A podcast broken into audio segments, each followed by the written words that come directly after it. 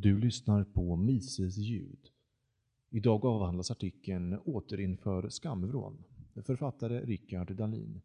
Publicerades på mises.se 19 november 2019. Inläsare Magnus hälsar dig välkommen. Skam, eller snarare utebliven samhällelig skam, kan fungera som en normsättande påtryckningsfaktor som får individuella och strukturella konsekvenser. Tanken till den här texten kom sig av ett radioprogram som i förbifarten nämnde att någon i Småland hade blivit bestört över att en yngre person i släkten inte hade något arbete. I den äldres värld kunde man inte gå utan försörjning, för det hade helt enkelt inte varit acceptabelt. En sund inställning kan man tycka, men den är på väg bort. Allt fler accepterar att gå arbetslösa och har dessutom mage att skylla på allt från strukturell rasism vithets, svenskhets och heteronorm och så vidare.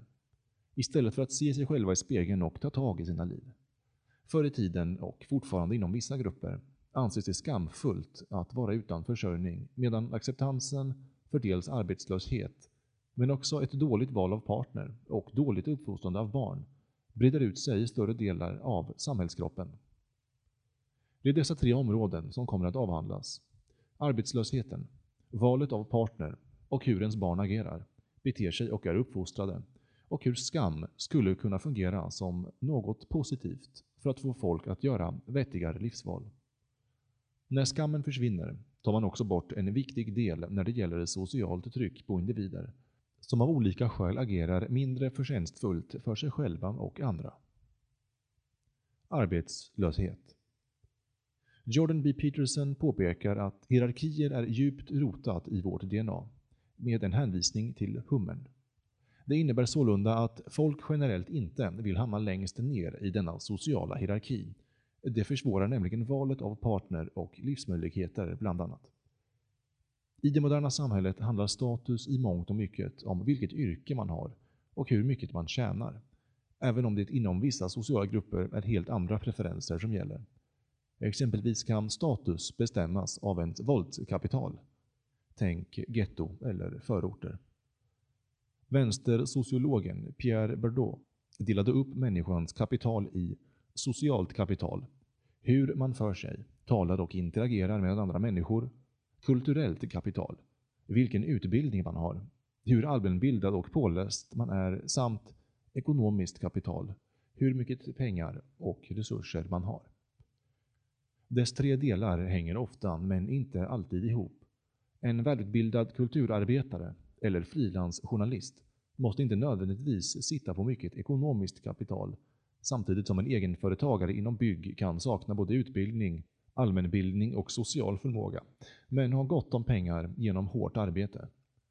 Det är därför inte glasklart vem som hamnar högst respektive lägst i denna sociala hierarki utifrån Bordeaux synsätt numera.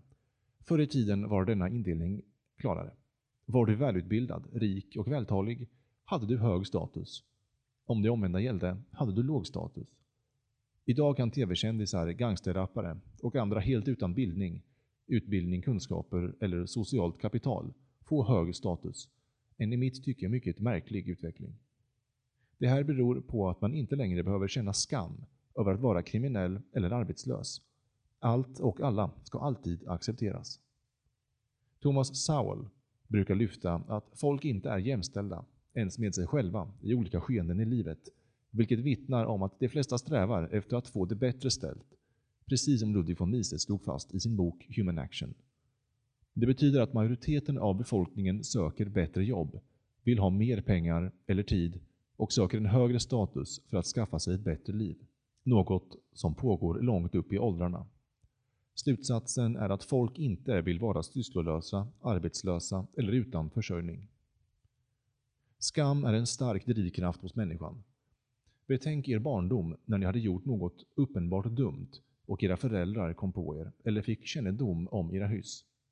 De flesta sunda och väluppfostrade barn skäms, vilket fungerar som en bromskloss att dels göra om det och dels som en moralisk spärr mot att göra andra dumheter.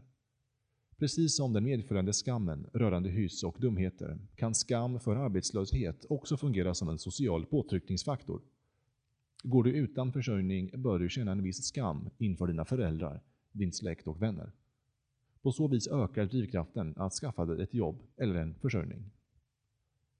De flesta som har en traditionell medelklassuppfostran upplever arbetslöshet som något skamfullt. Det är ingen vettig människa som stoltserar med det eftersom det vittnar om att du inte besitter kunskaper eller färdigheter som någon vill betala för. Tyvärr accepteras arbetslöshet allt mer eftersom allt fler är arbetslösa, men också på grund av att allting, oavsett hur korkat och kontraproduktivt det må vara, ska accepteras, bortförklaras och relativiseras. Arbetslöshet förklaras allt oftare av externa faktorer som diverse strukturer som utestänger vissa från arbetsmarknaden.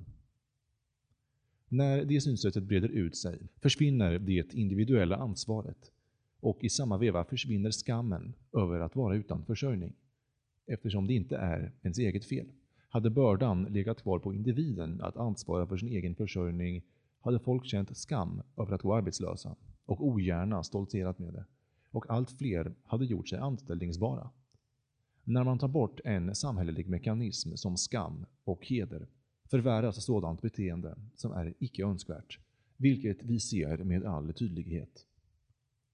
Valet av partner Samma princip gäller valet av partner. De flesta, men en tyvärr sjunkande andel av befolkningen, vill presentera en vettig, gärna vacker, partner för sin familj, släkt och vänner. Få personer skulle vilja komma hem och berätta att kärleken är funnen på anstalt eller rehabilitering för narkotika, alkohol eller sexmissbrukare. Man vill ha en stabil och bra partner att dela sitt liv med. Män och kvinnor som inte är lämpliga partners ska inte heller vara aktuella för att skaffa barn. Eftersom allt färre företeelser i samhället idag kan och får förklaras av individen, dess val och dess medfödda förmågor, accepteras nästan vad som helst nu för tiden. Så även att man skaffar barn med uppenbart olämpliga personer.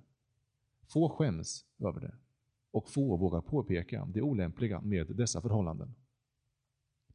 Däremot på familjenivå, bland traditionellt uppfostrade, vågar jag påstå att de flesta inte visar upp vad som helst för sina föräldrar av den enkla anledningen att man skulle skämmas om man tog hem något uppenbart olämpligt som pojk eller flickvän.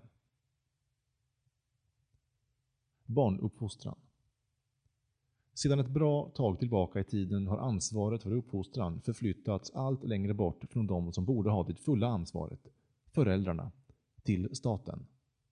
Enhetsskola, grundskola, förskola, gymnasium, högskola, universitet och kriminalvården. Alla dessa instanser syftar till uppfostran på olika plan och med olika medel. Grundskolan är det mest uppenbara exemplet med ett explicit syfte att fostra demokratiska medborgare. Skolans roll utökas ständigt till att omfamna mer och mer av barnens karaktärsutveckling och uppfostran. Konsekvensen är att allt fler föräldrar inte längre känner något behov av att uppfostra sina barn eftersom det är skolans ansvar. Ett synsätt som breder ut sig allt mer. Skamvrån försvann successivt under 1900-talet liksom dumstruten som syftade till att få barn att skämmas över ett icke önskvärt beteende. Det som borde skämmas om ens barn hamnar i skamvrån är föräldrarna. Där finner vi oss inte mentalt idag. Betänk följande scenario. Ett barn lever rövare på lektion efter lektion, slåss, bråkar och stökar även utanför skolan. Skolan kontaktar föräldrarna som antingen kan 1. Se sin skuld i det hela, eller 2 hänvisa till skolans och lärarens ansvar att individanpassa undervisningen. När allt fler föräldrar inte skäms om ens barn lever rövare, inte blir bjudna på kalas, inte fungerar i skolan, saknar kamrater. Det här är alltid en fråga om arv och miljö, eller generellt beter sig olämpligt, försvinner inte problemen. Om folk skulle skämmas mer över detta fenomen skulle allt fler föräldrar också ta ett större ansvar men eftersom även ett problematiskt beteende går att bortförklara genom yttre faktorer slipper man göra något åt det själv. Slutsats. Det som drabbas hårdast av att kunna bortförklara allsköns bekymmer, vare sig det handlar om arbetslöshet, valet av partner eller barnuppfostran, är det som redan befinner sig långt ner i den sociala hierarkin, det vill säga arbetarfamiljer, det med svag socioekonomisk status och det med lite socialt, kulturellt och ekonomiskt kapital. De kommer i större utsträckning passiviseras och invänta hjälp utifrån, eller helt enkelt gå igenom livet och skylla ifrån sig. Den inställningen och det agerandet är ytterst sällan vägen till framgång eller förändring och förbättring. Välfärdsstaten och media har förstärkt bilden av att det mesta i samhället går att förklara med strukturer samt att man skjuter bort ansvaret från individen vilket får konsekvensen att allt färre som är i behov tar allt mindre ansvar, som i sin tur leder till att många förblir svaga och utsatta, helt i onödan. Sätter man lite press på folk kan det bättra sig. När ett leverne uppenbarligen inte är produktivt måste det få direkta konsekvenser.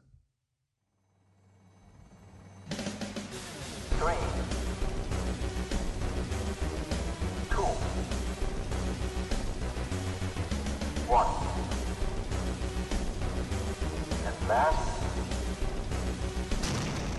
don't put your trust in politics